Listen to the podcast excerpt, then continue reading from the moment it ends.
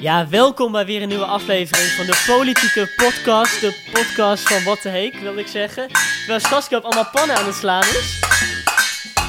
Ik denk dat dit een verwijzing is naar de toespraak van Rutte afgelopen maand. Nou, nee, we hebben een feestje te vieren, toch?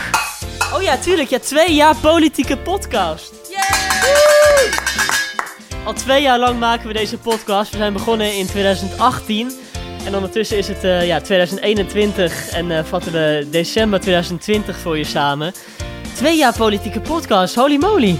Ja, ik denk we vieren het even 2020 stijl, toch? Ik bedoel, vorig jaar hadden we feesttoeters.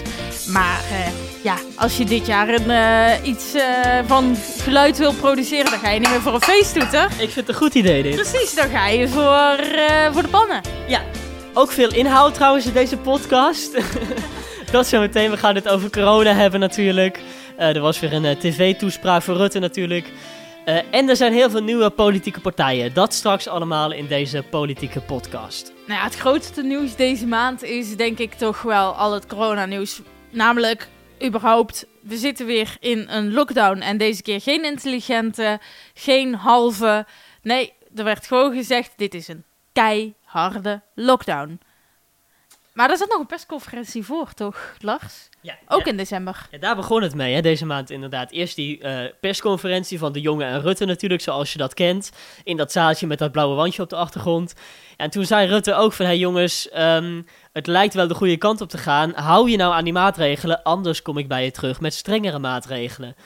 En nou ja, wat gebeurde er een week later? Ja hoor, eh, een tv-toespraak met een keiharde lockdown. Alles gaat dicht. Alle winkels, ja, de restaurants en de cafés die waren al dicht. Maar ook de musea, de dierentuinen, de bioscopen, alles gaat vijf weken lang op slot. Dus tot eh, 19 januari. Dus inderdaad, op het moment dat wij dit eh, aan het opnemen zijn, eh, ja, dan hebben we de feestdagen ook alweer achter eh, de rug. En die waren ook anders dan anders, want dat was nog in die eerste persconferentie. Rutte zei: Misschien eh, moet ik wel extra strenge maatregelen gaan nemen met kerst. Terwijl hij in november nog zei: Wat er ook gebeurt, van kerst blijf ik af. Nou, die eerste belofte, daar heeft hij zich eigenlijk een beetje aan gehouden. Want ja, je mag maar met eh, twee mensen bij elkaar zijn, of eigenlijk twee mensen uitnodigen bij jou thuis. En met kerst mocht je er natuurlijk drie. Ja, ze waren heel bang dat al die families natuurlijk bij elkaar op bezoek zouden komen met kerst. En dat dan heel veel mensen elkaar gaan aansteken met het virus. En dan heb je een week later natuurlijk ook nog oud opnieuw. Waarbij natuurlijk ook weer heel veel mensen elkaar kunnen gaan besmetten. Dus daar zijn ze heel bang voor geweest. En we gaan binnenkort natuurlijk in de cijfers zien eh, of het allemaal goed is gegaan. Ehm, trouwens, je had het over die eh, toespraak al van Rutte. Die kwam al even voorbij. Dat was toch wel een bijzonder moment. Natuurlijk, eh, Rutte geeft niet heel vaak een tv-toespraak. Dat doet een premier sowieso heel weinig. Ja, en dat was wel heel bijzonder. Hij zat daar in het torentje en sprak echt het land toe. Miljoenen mensen keken live mee, want hij deed dat live. Hij las het wel op trouwens, hè? dus hij had Ja. wel een tekst voor de camera die hij aan het oplezen was. Ja, en het opvallendste was niet eens die inhoud, was niet eens wat Rutte zei, maar het opvallendste was toch wel wat er buiten gebeurde. Want ik weet niet ik of heb jij... er geen woord van verstaan, Lars. Echt niet. Ik, eh, want het is inderdaad wat jij zegt. De vorige keer dat eh, Rutte zo'n toespraak hield... Nou, dat was in maart. Dat was helemaal het begin van de crisis... dat de intelligente lockdown eigenlijk eh, werd... Of nee, die, werd, die was toen al wel aangekondigd... maar dat hij eigenlijk het land een beetje moed insprak... van nou jongens, we zitten in die intelligente lockdown... eh, maar hou vol. Eh, een ongekende eh, crisis in vredestijd noemde hij het toen. En toen was iedereen ook helemaal weggeblazen van wow, dit is zo bijzonder. Want inderdaad, de vorige keer was ergens in de jaren zeventig dat een premier vanuit het torentje zo'n toespraak hield. En toen was er ook van alles aan de hand. Ehm, maar ja, ik heb er geen woord van verstaan. De tweede keer was toch iets minder magisch. Nee. Ja, iedereen lette natuurlijk alleen maar op dat eh, protest buiten. Want er waren buiten dus mensen aan het demonstreren. Die zeiden van, hé, hey, corona bestaat helemaal niet. En we zijn allemaal klaar met al die coronamaatregelen in Nederland. En ja, die stonden echt te fluiten en op pannen te slaan. Net zoals wij aan het begin van deze podcast natuurlijk. Ehm, dus ja, ze trokken wel de aandacht. Eh, ondertussen waren er allemaal politieagenten buiten die mensen aan het wegsturen waren. Want ze hadden die demonstratie niet aangekondigd. En dan mag je dus niet protesteren. Ja, en je moet je voorstellen dat wij hoorden het, maar Rutte hoorde het drie keer zo hard. Want die zat daar in zijn torentje met enkel glas misschien even verbouwen, jongens. Ja. Ehm, maar die zat daar, dus die hoorde dat ook. En die moest natuurlijk zelf zorgen. Je bent live op tv, 8 miljoen mensen kijken. Niet afgeleid raken. Dat is ook knap, hè? En dat je dan gewoon precies. door kunt praten terwijl dat buiten allemaal gebeurt. Want ik weet, twee minuten voor de toespraak was er nog niks aan de hand. Iedereen begon echt om precies zeven uur natuurlijk. Ja. Dus hij moet zich ook natuurlijk rot geschrokken zijn op dat moment. Hij moet zich rotgeschrokken zijn. En hij moet dan zelf, zonder dat het inderdaad op je blaadje staat, de afweging maken. Ga ik dit doodzwijgen of ga ik er aandacht aan besteden? Want je weet, je weet dat jij er superveel van hoort en dat het fucking irritant is. Maar wat hoort de tv-kijker? En als de tv-kijker er niks van hoort en jij gaat er ineens over beginnen, dan denken ze, huh? Dus uiteindelijk besloot hij toch maar even een klein zinnetje er aandacht aan te besteden. En de realiteit is ook dat we niet te maken hebben met een onschuldige griep, wat sommigen, bijvoorbeeld de demonstranten hier buiten, nog steeds denken, maar met een virus dat iedereen hard kan raken. Ja, wel slim dat hij het even benoemt inderdaad. Ehm, ja, en toen kwam die lockdown er dus. Die ging meteen de dag daarna al in.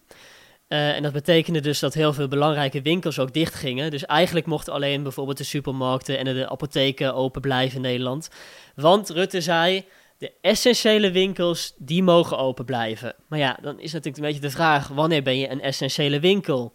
Nou dat zijn dus de winkels waar je eten kunt kopen. En dan dacht de HEMA bijvoorbeeld, bij ons kun je lekkere rookworsten kopen en lekkere tompoezen. En ook andere dingen zoals soep en eh, fruit en dat soort dingen. Dus zij dachten van oké, nou dan mogen wij dus ook open gaan. Maar toen zeiden ze later ook van ja, nou dat was dan toch niet helemaal de bedoeling. eh, dat ook de HEMA open gaat. De Action was bijvoorbeeld ook twee dagen open op, in heel veel steden. Eh, ja, daar, ja, dus het ontstond een hele discussie van hey, wat is nou essentieel en wat is nou niet essentieel.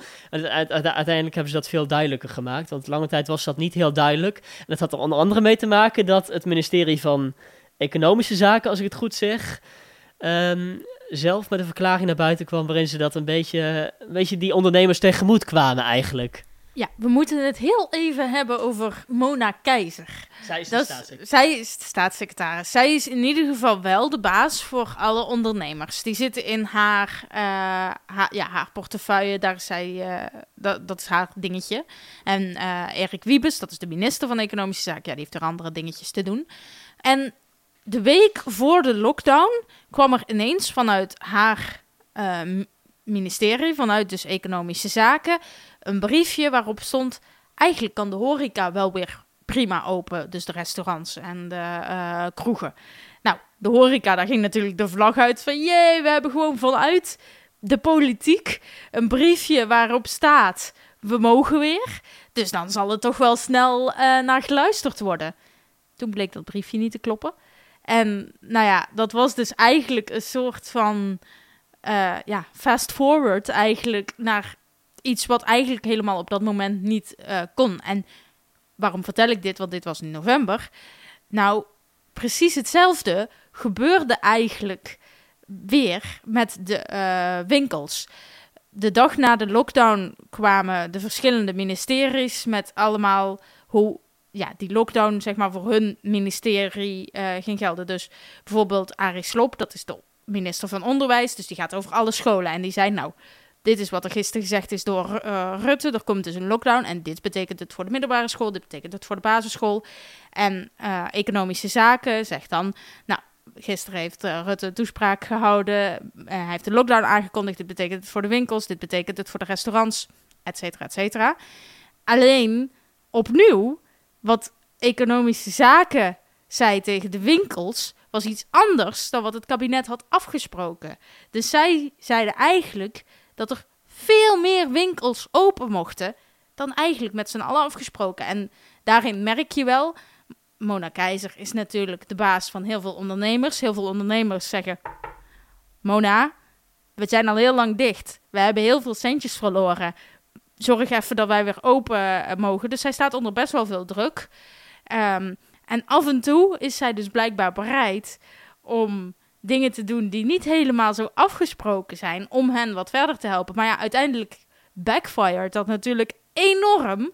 Want ja, dan moet ze weer zeggen, dan heb je eigenlijk iets beloofd en vervolgens moet je weer zeggen, oh nee, de horeca kan helemaal niet open. Oh nee, dan mogen toch minder winkels open dan we eigenlijk eerder zeiden. Ja, dat is ook niet echt lekker voor je vertrouwen. We moeten het ook nog hebben trouwens over eh, het Forum voor Democratie. Die partij die blijft maar in het nieuws. Eh, de partij van Thierry Baudet dat nu- natuurlijk. En er kwam dus een heel groot eh, referendum. Waarbij mensen mochten stemmen van hey, wie moet nou de baas zijn van de partij. En wat bleek? De meeste mensen zeggen van toch van hey, Thierry Baudet, dat moet gewoon onze, onze leider blijven. En dat was ook echt een hele grote meerderheid hè, van de mensen die dat zei. 67, nee 76 procent zelfs. Ja, heel veel. En nou ja, we moeten dan, nu we toch over FVD eh, aan het praten zijn, ook even inzoomen op de lijst. We hadden natuurlijk in oktober, oh, tada, dit zijn de tien van Forum voor Democratie, gepresenteerd in Ahoy, met een hele grote show, zonder publiek uiteraard. Maar dat werd met heel veel bombarie gepresenteerd. De meeste andere partijen zeggen, yo, hier is onze lijst, einde. En zij hadden er echt een hele show van. Nou ja, in november is natuurlijk de hele boel uit elkaar gespat. En bleef er eigenlijk van die tien vrij weinig over. Dus ja, toen moest er een nieuwe top 10 komen. En nu hebben ze eigenlijk toch een stuk stiller. Het staat ook niet eens op hun website wie nu de, eh, de tien zijn. Alsof ze een soort van slag om de arm houden van misschien kapt er ondertussen nog wel iemand tot maart. Maar we zien het wel. Maar ze hebben in ieder geval een nieuwe lijst. En eh Wieberen van Haga, dat is iemand die bijvoorbeeld ook in de podcast van eh, Lange Frans voorbij kwam. Dat is iemand die ja, toch wel heel sceptisch is over corona. Die dus heel erg twijfelt of het allemaal eh, wel eh, bestaat en of die maatregelen allemaal wel eh, nodig zijn. Die stond eerst op plek 7. Nee, daar stond Freek. Ehm, plek 8 volgens mij. En ehm, die is nu omhoog geschoten naar plek 2. Nou ja, omdat in die hele ruzie rondom Forum hij altijd heeft gezegd... Thierry, ik sta helemaal achter jou en ik blijf jou steunen. En eh Freek Jansen, nou, dat is iemand waar de ophef een beetje om ging. Omdat hij natuurlijk ook bij de jongere partij van Forum eh, betrokken is, als voorzitter zelfs. En die, eh, die blijft ook gewoon op de lijst staan. Dus tot zover eigenlijk weinig veranderingen. Behalve de mensen die ruzie hebben met Baudet. Ja, die zijn allemaal van de lijst af. En de mensen die in die ruzie hebben gezegd... Baudet, jij doet het allemaal wel goed, jong. We blijven achter jou staan. Ja, die zijn allemaal een plekje of eh, twee of drie gestegen. Ja, dus eh, Baudet krijgt denk ik ook iets minder tegenspraak dan binnen zijn fractie. En normaal waren er altijd nog mensen die zeiden van... hey, zou je dit wel zo doen? Of die konden een beetje een tegengeluid laten horen. Maar nu heb je natuurlijk allemaal mensen in die lijst die echt Baudet helemaal steunen. Dus eh, ja, heeft dat nog consequenties? Is, kunnen we daar nog iets over vertellen? Ja, de- Nou voor Baudet, is, Baudet zal er niet mee zitten, denk ik. Nee, dat denk ik ook niet. En Baudet was sowieso al wel iemand. Ik denk dat die ruzie dat juist heeft laten zien. Die hoeveel mensen het ook met hem oneens zijn aan het einde van eh, de rit onder de streep precies doet waar hij zelf zin in heeft. Dus natuurlijk is het fijn voor hem dat er nu heel veel mensen om hem heen zitten die nooit kritisch op hem zullen zijn en nooit aan de rem zullen gaan hangen. Of in ieder geval echt niet snel. Eh, maar het was niet zo dat hij zich daar wat van aantrok of zo. Ja, hij is wel echt de, de baas van de partij. Hè? Dus hij bepaalt wel echt waar het naartoe gaat. Hij is natuurlijk ook de bedenker van die hele partij. Ehm, dus in die zin misschien ook een beetje logisch. Uh, Thierry Baudet dus eh, blijft bij Forum voor Democratie en staat straks ook op één eh, op het stembiljet. Waar in november Forum voor Democratie de hoofdrol pakte van de maand. Eigenlijk met alle eh, ruzies was december toch wel echt de maand van het CDA. Want we begonnen op 1 december met Hugo de Jonge gaat eh, in aanloop naar de Tweede Kamer eh, verkiezingen op alle verkiezingsposters staan, alle debatten doen.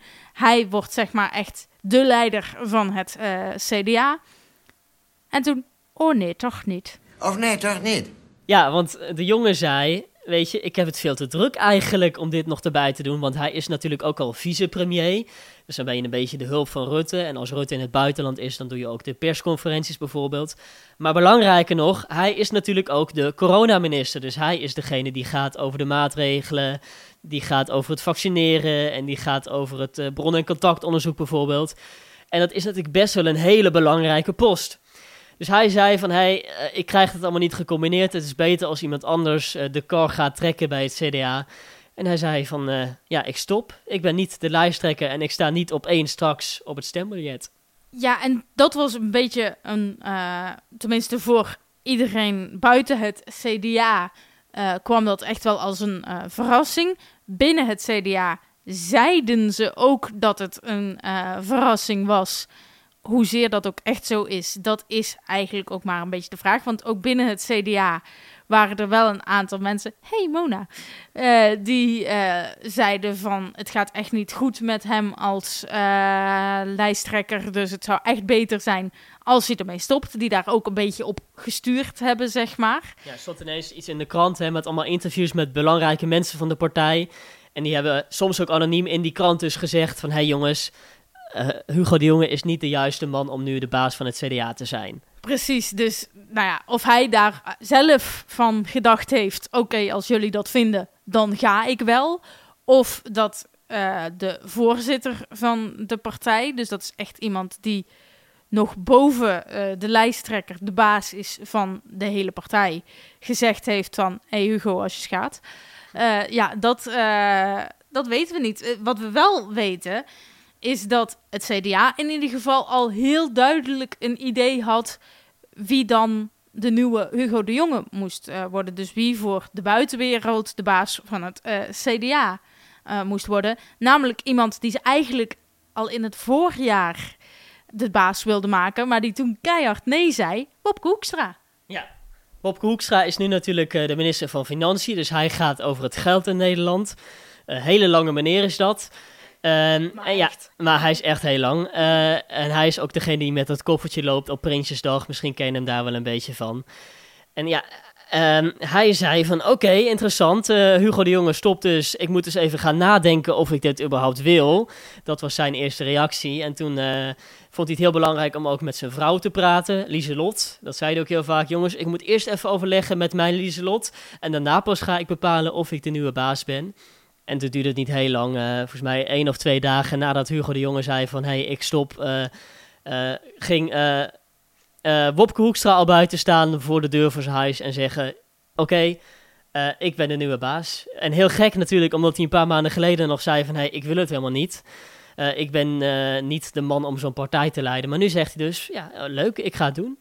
Het was ook niet zo dat hij echt een keus had. Zoals Hugo de Jonge best wel onder druk is gezet, waarschijnlijk om ermee te kappen, werd Wopke Hoekstra toch wel vrij duidelijk gemaakt. Ja, je kan nog een tweede keer nee zeggen, maar dan kun je maar beter meteen je koffers pakken. Je zegt nu gewoon ja. Wat ook sneu is, is dat Pieter Omtzigt oh. op de... Ja, precies, ah.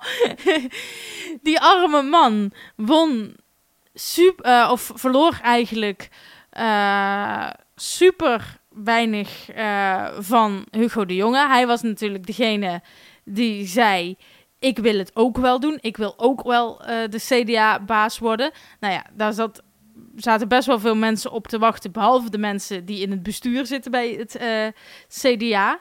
Dus toen hij net tweede werd, hoorde je nog net niet de. Ja, want even net tweede. Er was dus echt een soort van competitie binnen die partij. Een mega lijsttrekkersverkiezing, een soort van The Voice. Waarbij bekend werd gemaakt van wie de nieuwe leider mocht worden. Mensen mochten online stemmen toen op uh, wie zij vonden dat de nieuwe CDA-baas mocht worden. En uh, de jongen was een van die mensen waar ze op konden stemmen, maar ook Mona Keizer en dus Pieter Omtzigt. En uiteindelijk werd dat heel spectaculair bekendgemaakt. En de meeste stemmen gingen naar Hugo de Jonge. En dat maakt het natuurlijk extra gênant nu dat uh, al die mensen mochten stemmen, maar dat de jongen nu alsnog zegt van, hé, hey, ik doe het helemaal niet. En extra lullig natuurlijk voor omzicht, omdat hij tweede werd, maar nu toch niet de baas wordt, nu Hugo de Jonge stopt.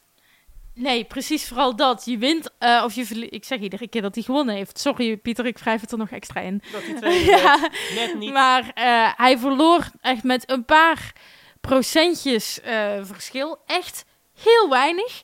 Dus nou ja, de CDA-mensen, de CDA-leden zagen hem best wel zitten. En nu is hij niet eens ter sprake gekomen. Nu, uh, het zou logisch zijn, en dat dachten ook veel mensen. Oké, de nummer 1 stopt. Dan zou je toch zeggen dat we dan voor optie nummer 2 gaan. Maar dat was niet. We gaan het zien of het goed uitpakt. Het zou natuurlijk ook een voordeel kunnen zijn voor het CDA dat ze nu een nieuwe baas hebben. Want ja, Hugo de Jonge krijgt natuurlijk heel veel kritiek omdat hij de baas is over het coronabeleid. En ja, corona is natuurlijk nieuw in Nederland, dus er gaan ook heel veel dingen mis. Qua vaccineren bijvoorbeeld, qua corona-app. Dus uh, hij heeft ook wat kastjes opgelopen. Dus het zou ook goed kunnen zijn, juist voor de partij, dat er nu iemand anders zit. Uh, maar dat gaan we natuurlijk pas zien op 17 maart, als iedereen uh, mag stemmen. Ja, als er op 17 maart nog een uh, kabinet zit. Want stel je voor, Hoekstra is voor die tijd afgetreden. Het zou zomaar kunnen, want december was ook de maand van de toeslagenaffaire.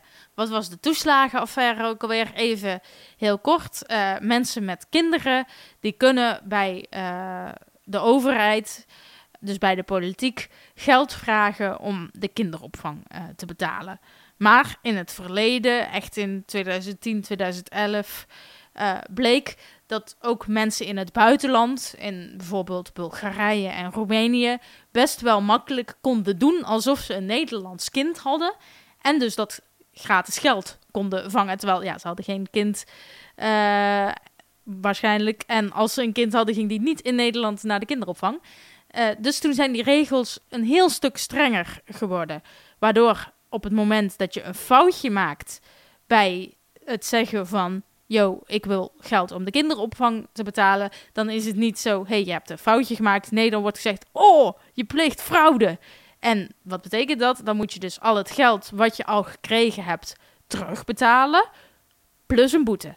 Nou, dat is veel geld. Dat gaat over duizenden, tienduizenden euro's. Heel veel ouders kwamen daardoor natuurlijk echt flink in de financiële shit uh, terecht. Die moesten heel veel geld terugbetalen en die kregen geen geld meer. En dat waren sowieso mensen die niet heel rijk waren in Nederland. Nou ja, en nu is er echt een heel goed onderzoek gedaan door de Tweede Kamer. Die is gaan praten met allemaal mensen die daarbij betrokken waren. Dus die eigenlijk een beetje macht hadden toen de tijd, toen dit heel erg speelde. Dus uh, mensen die daar belangrijk waren bij de Belastingdienst, maar ook uh, staatssecretarissen en ministers en zelfs premier Rutte. Nou ja, die zijn twee weken lang gaan praten met die mensen en die hebben nu in december hun conclusie bekendgemaakt van het hele onderzoek. En die zeggen ook van ja, er is die ouders echt heel veel onrecht aangedaan. Dit is echt heel fout gegaan en ja, dit is vooral iets wat de politiek zich ook kan aanrekenen. Dus niet alleen uh, de kabinetten die er zaten, maar bijvoorbeeld ook de Tweede Kamer en de rechters. Er zijn echt hele grote fouten gemaakt in Nederland, waardoor deze ouders echt flink in de financiële shit terechtkwamen. Ja, we zijn na die fraude, die dus echt zo was, zo streng geworden dat we echt een hele grote groep mensen heel hard genaaid hebben. En die hebben daar ook heel veel uh, last van uh, gekregen. Nou ja, het gebeurt niet vaak in de politiek. Er worden wel vaker onderzoeken gedaan. En er wordt ook wel vaker in zo'n onderzoek dan gezegd van... joh, dit hebben jullie niet helemaal handig gedaan. Maar dat het zo hard is en dat inderdaad zo duidelijk in het rapport staat... You all fucked up. Ja, dat gebeurt toch echt niet zo vaak. En dan is natuurlijk de tweede vraag... Wat gebeurt er dan in de politiek met zo'n rapport? Heel vaak als er iets uh, negatiefs naar buiten komt, dan moet de minister aftreden bijvoorbeeld. Dus dan zegt hij van, hé, hey, ik stop ermee. Want die minister is natuurlijk verantwoordelijk voor het beleid. Dus hij is uiteindelijk de eindbaas. Maar ja, in dit geval is niet alleen de minister verantwoordelijk, maar is eigenlijk het hele kabinet verantwoordelijk. En ook de kabinetten die er eerder al zaten. En ook een beetje de Tweede Kamer en ook een beetje de rechters. En nog steeds weten we niet echt wie nou, um, ja, uh, wat nou dit voor, consequenties heeft. Misschien gaat het kabinet wel opstappen, want het kabinet gaat erover praten. Die zijn er al over aan het praten wat ze hier nou mee moeten. Want eigenlijk weet niemand zo goed wat ze er nu precies mee aan moeten met deze conclusie. Maar het staat wel vast, ja, ze moeten er wel iets mee. Want uh, dit is echt heel slecht nieuws voor al die ouders die jarenlang uh, flinke problemen hebben gehad. Het kabinet gaat wel een beetje de ouders tegemoet komen nu. Dat is wel het laatste nieuws. Dus ze hebben wel gezegd van, hé hey jongens, sorry, jullie krijgen allemaal 30.000 euro. Uh, en daarmee proberen ze het leed dan een beetje te verzachten voor die ouders. Nou, het kan dus zomaar zijn dat het kabinet, want ze hebben, dit was allemaal net voor de kerstvakantie. En nou, toen werd natuurlijk ook aan Rutte gevraagd, wat ga je er nou mee doen? Ga je inderdaad opstappen omdat dit zo'n hard rapport is? Je moet je voorstellen, het is ook echt een rapport zoals je op de middelbare school ook een rapport hebt. Je hebt niet een rapport met uh, allemaal vijven teruggekregen. Dat gebeurt wel vaker in de politiek. Maar je hebt een rapport met allemaal ene teruggekregen. En er wordt dus eigenlijk aan Rutte gevraagd voor de kerstvakantie al... joh, wat ga je daarmee doen? Uh, en hij heeft toen gezegd, nou eerst die 30.000 euro en dan na de kerstvakantie, nu dus, ga ik nadenken over uh, ja, of misschien het hele kabinet weg moet. En uh, dat zou op zich niet eens zo heel erg zijn, want er zijn binnenkort toch verkiezingen. En die verkiezingen, daar moeten we het ook even over hebben. Want 89 nieuwe partijen hebben gezegd: joh, wij willen ook wel meedoen. Nou ja, de vraag is natuurlijk: komen er dan dadelijk op het stembiljet? Dus dat papiertje waarop je je keuze mag maken. Nou, papiertje. Groot papiertje. Groot papiertje. komen daar dan 89 nieuwe partijen, plus de partijen die al bestaan, op? Nou, nee.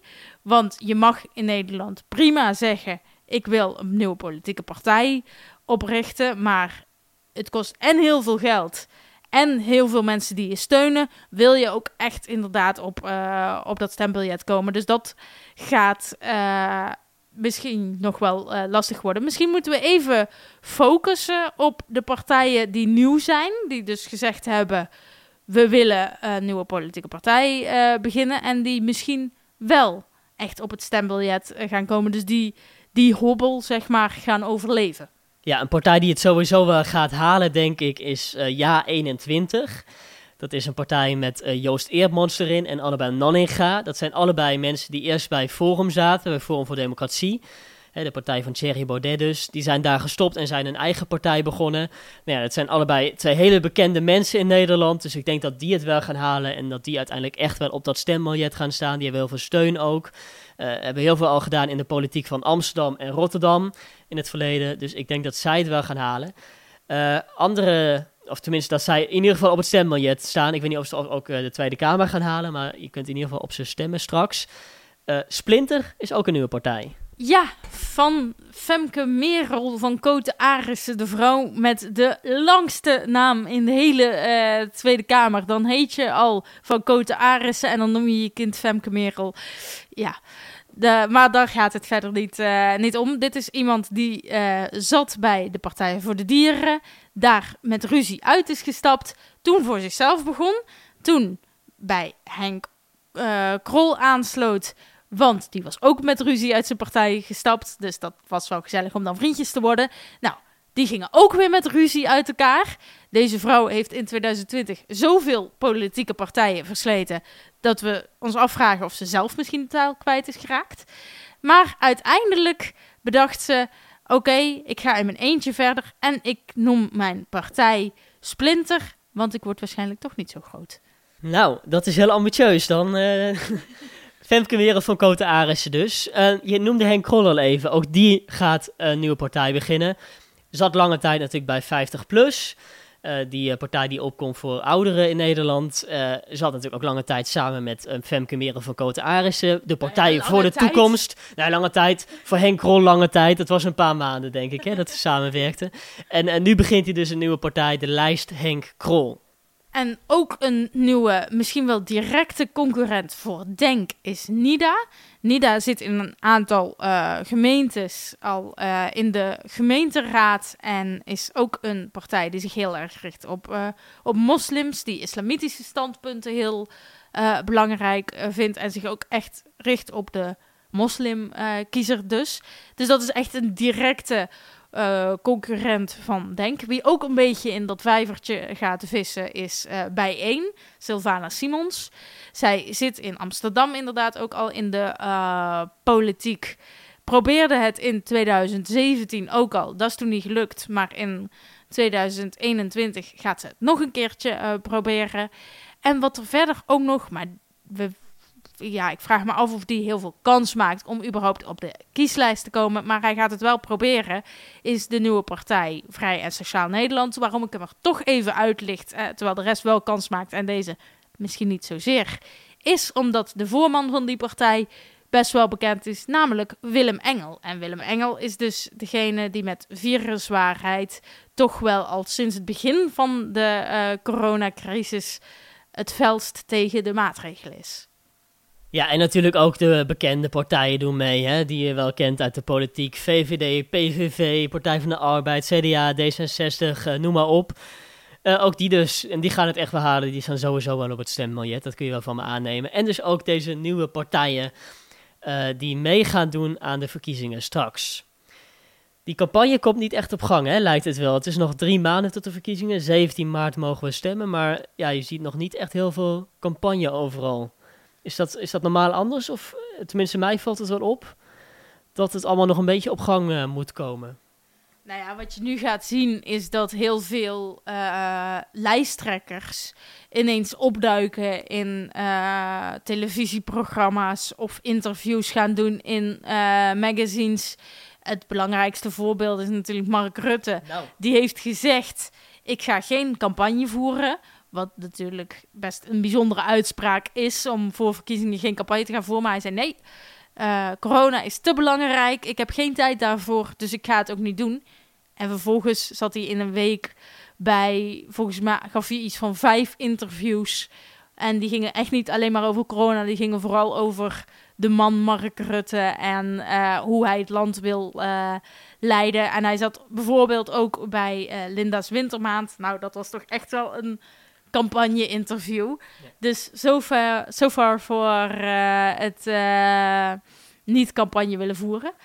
En dat zie je bij andere lijsttrekkers natuurlijk ook. Die gaan eerst, uh, want ja, je kan natuurlijk ook niet grote bijeenkomsten organiseren of zo. Dus je moet het wel van de interviews hebben. Ja. Heel veel campagne is ook online nu natuurlijk, hè? want je kunt ook niet gaan flyeren op straat of dat soort dingen. Dus ik denk dat heel veel partijen zich ook echt inzetten om het op social media heel goed te doen. Dus uh, die, kom je misschien, uh, die partijen kom je misschien juist tegen op Facebook, Instagram, Twitter en dat soort platforms.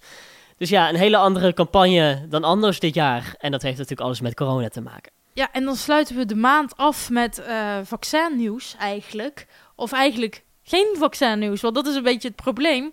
Alle andere Europese landen kregen een kerstcadeautje. Nou ja, Groot-Brittannië begon natuurlijk als eerste. Toen de Verenigde Staten ook al.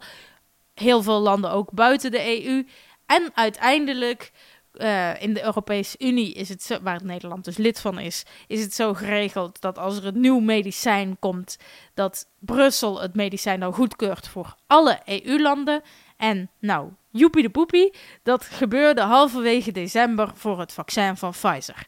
Dus voor alle landen in de Europese Unie werd eigenlijk gezegd: dit is een prima vaccin, daar kunnen we wat mee. Maar toen zijn dus allemaal andere landen uh, begonnen met: oké, als uh, de Europese Unie dat zegt, dan gaan we daarmee beginnen. En Nederland had gelukkig ook die vaccins gekocht, net als alle andere landen. Dus we zagen inderdaad de vrachtwagens met het vaccin ons land binnenrijden. Alleen Lars, wij zijn nog helemaal niet begonnen. Nee, dat is een beetje het uh, ding waar heel veel partijen heel boos over zijn. Ja, die vaccins die zijn er gewoon in Nederland. Die liggen in Os ergens in allerlei vrieskisten op min 70 graden. Klaar om, ja, gewoon klaar om uh, in te enten. We zijn er gewoon helemaal klaar voor eigenlijk, zou je zeggen. Maar Hugo de Jonge, de coronaminister, die zegt van ja... 8 januari, zei hij lange tijd, dat is de dag waarop ook wij in Nederland gaan beginnen met prikken, want hij wil het allemaal heel voorzichtig doen. Dus hij zegt van zorgvuldigheid is heel belangrijk. Uh, er moet een systeem komen waarin we bijhouden wie een vaccin krijgt en ook welk vaccin. Want je hebt natuurlijk allemaal verschillende vaccins uh, van allerlei verschillende fabrikanten. En hij wil dat heel voorzichtig aanpakken. En dat leidt ertoe dat wij in Europa dus het laatste land is dat begint met uh, prikken. op 6 januari pas uiteindelijk. Ja, want het is natuurlijk een beetje gek om te zeggen: wij willen het extra voorzichtig doen, alsof alle andere EU-landen en Groot-Brittannië en de VS het dan niet voorzichtig zouden doen. Dus heel veel andere politici hadden zoiets, aha. Want die hadden ook wel door van, ja, dat is gewoon natuurlijk een smoesje. Want die andere landen doen het ook heus wel voorzichtig. En, en hij had het smoesje dat andere landen het vooral symbolisch doen. Hè? Dat ze willen laten zien van, hey, kijk, wij hebben het goed voor elkaar. En hier heb je mooie beelden van iemand die een vaccin krijgt. Uh, dus hij zegt van, ja, het is vooral symbolisch, dus het kan nog wel even wachten. Wij, wij maken niet zoveel haast daarmee met die eerste prik. En in sommige landen is het ook zo dat uiteindelijk het echte vaccineren ongeveer gelijk begint met uh, Nederland, maar dat er symbolisch uh, al een eerste prik gezet is. Maar in heel veel landen in de EU, zoals Duitsland, ook niet. Uh, en in het Verenigd Koninkrijk zijn ook al heel veel mensen die een prik hebben gehad. Nou, dat was niet alleen symbolisch. Dat was niet zo van, nou kijk, we geven je alleen wat water in, je injectie voor de symboolpolitiek. Nee, dat was echt het Pfizer-vaccin. Uh, dus heel veel politici zeiden, maar waarom kunnen zij het dan wel en moeten wij het blijkbaar extra voorzichtig? Nou, waar dat door eigenlijk een beetje aan ligt, is dat dat uh, vaccin, dat zei je net ook al, uh, Lars, dat moet op min 70 graden bewaard worden. Dat, anders werkt het niet meer. Dus dat is echt heel koud. En Hugo de Jonge had er eigenlijk voor gekozen om het dan niet bij die vriezers, ja, geen plekken in te richten waar je die vriezers neer kunt zetten. Dus bijvoorbeeld een sporthal. Maar om dat uh, vaccin dan mee te nemen naar bijvoorbeeld verpleeghuizen, om de mensen daar als eerste die prik te geven. Maar ja, als je een vaccin op min 70 uh, wil gaan vervoeren naar allerlei verschillende verpleeghuizen, dat gaat gewoon niet. En daar kwam je eigenlijk een beetje te laat achter. Dat eigenlijk het vaccin dat zo koud bewaard moet worden, ja, dat je daar toch wel iets anders mee moet dan bijvoorbeeld gewoon het griepvaccin. Wat ieder jaar aan oudere mensen gegeven wordt, zodat ze de griep niet krijgen. En heel veel politici zeggen van hey, dit weten we al weken, zo niet maanden. Dus had dat niet beter voorbereid kunnen zijn. Dus uh, ja, Hugo de Jonge die heeft echt wel wat uit te leggen. Heel veel mensen zijn heel boos op hem. Uh, maar goed, uh, ja, januari is dan echt de maand waarop de eerste prikken worden gezet, ook in Nederland. Um, dus daar kunnen we naar uitkijken. Dus, uh, en dan komt het tweede vaccin aan ondertussen al, het Moderna-vaccin. Daar heb je misschien ook wel eens van gehoord. Dat is waarschijnlijk het tweede vaccin waarvan ze in Europa zeggen van... hey, dat is helemaal veilig, dat kunnen we gaan inspuiten. Dus uh, ja, de komende maanden worden echt de maanden waarin eindelijk de allereerste mensen worden ingeënt tegen het coronavirus. En dan is het moment aangebroken uh, waarop wij altijd de politicus van de maand aanwijzen. Dat is de politicus die er echt uitsprong... Ja, in dit geval denk ik dat het helemaal niet zo moeilijk hoeft te zijn. Ik denk, uh, ja, er is één partij die natuurlijk nu een nieuwe baas heeft. Daar was heel veel nieuws over. En dat was het CDA natuurlijk. Dus uh, ik kijk even naar jou, Saskia knikt. Uiteraard, de politicus van de maand december is Wopke Hoekstra. Ja, de nieuwe CDA-baas inderdaad. En laten we dan, dat hebben we volgens mij op het moment dat Hugo de Jonge gekozen werd als CDA-baas ook al gedaan laten we dan de troostprijs opnieuw aan Pieter Omtzigt geven. Want, ah. Ja, eens. Ja, hij blijft natuurlijk wel gewoon Tweede Kamerlid. Hè. Hij, hij, is ook echt een heel bekend Tweede Kamerlid. Ook door die toeslagenaffaire waar hij heel erg mee bezig was altijd. Dus Omtzigt blijft in de Tweede Kamer. Maar, uh, Wopke Hoekstra is dus de nieuwe CDA-baas. En dus ook onze politicus van de maand. En dan moeten we altijd nog even vooruitkijken natuurlijk op de maand januari die nu gaat komen. Ik zei het al, dat is vooral de maand van het uh, coronavaccin. Dus we gaan eindelijk ook in Nederland beginnen met uh, prikken.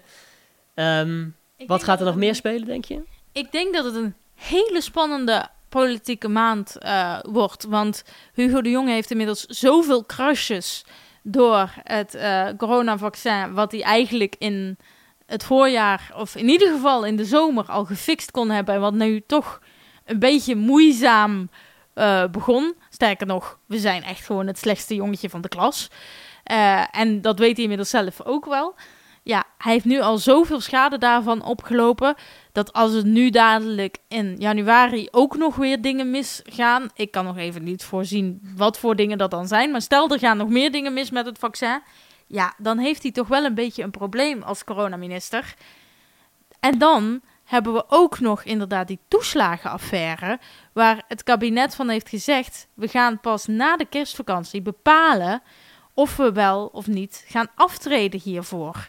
Dus het kan zomaar zijn dat we de volgende politieke podcast openen met: oh, we hebben geen kabinet meer, lol. Oh, ja, een hele interessante politieke podcast dan. Deze was ook interessant, vond ik. We hadden leuke en interessante onderwerpen in deze podcast. Een hele bijzondere podcast. Want ik zeg het nog maar een keertje, wij bestaan twee jaar en dat is reden voor feest. Dus we gaan uh, even wat biertjes opentrekken en we gaan het even vieren. En jou hoop ik natuurlijk volgende maand uh, weer te zien. Ik hoop dat je er weer bij bent als we weer een nieuwe politieke podcast online zetten. En ondertussen kun je deze podcast natuurlijk vooral delen met je vrienden. Je kunt hem liken, laat een reactie achter. En dan hopen wij je volgende maand weer te zien als er weer een nieuwe podcast is. Tot volgende maand. Doei! We zijn klaar. Dank u wel.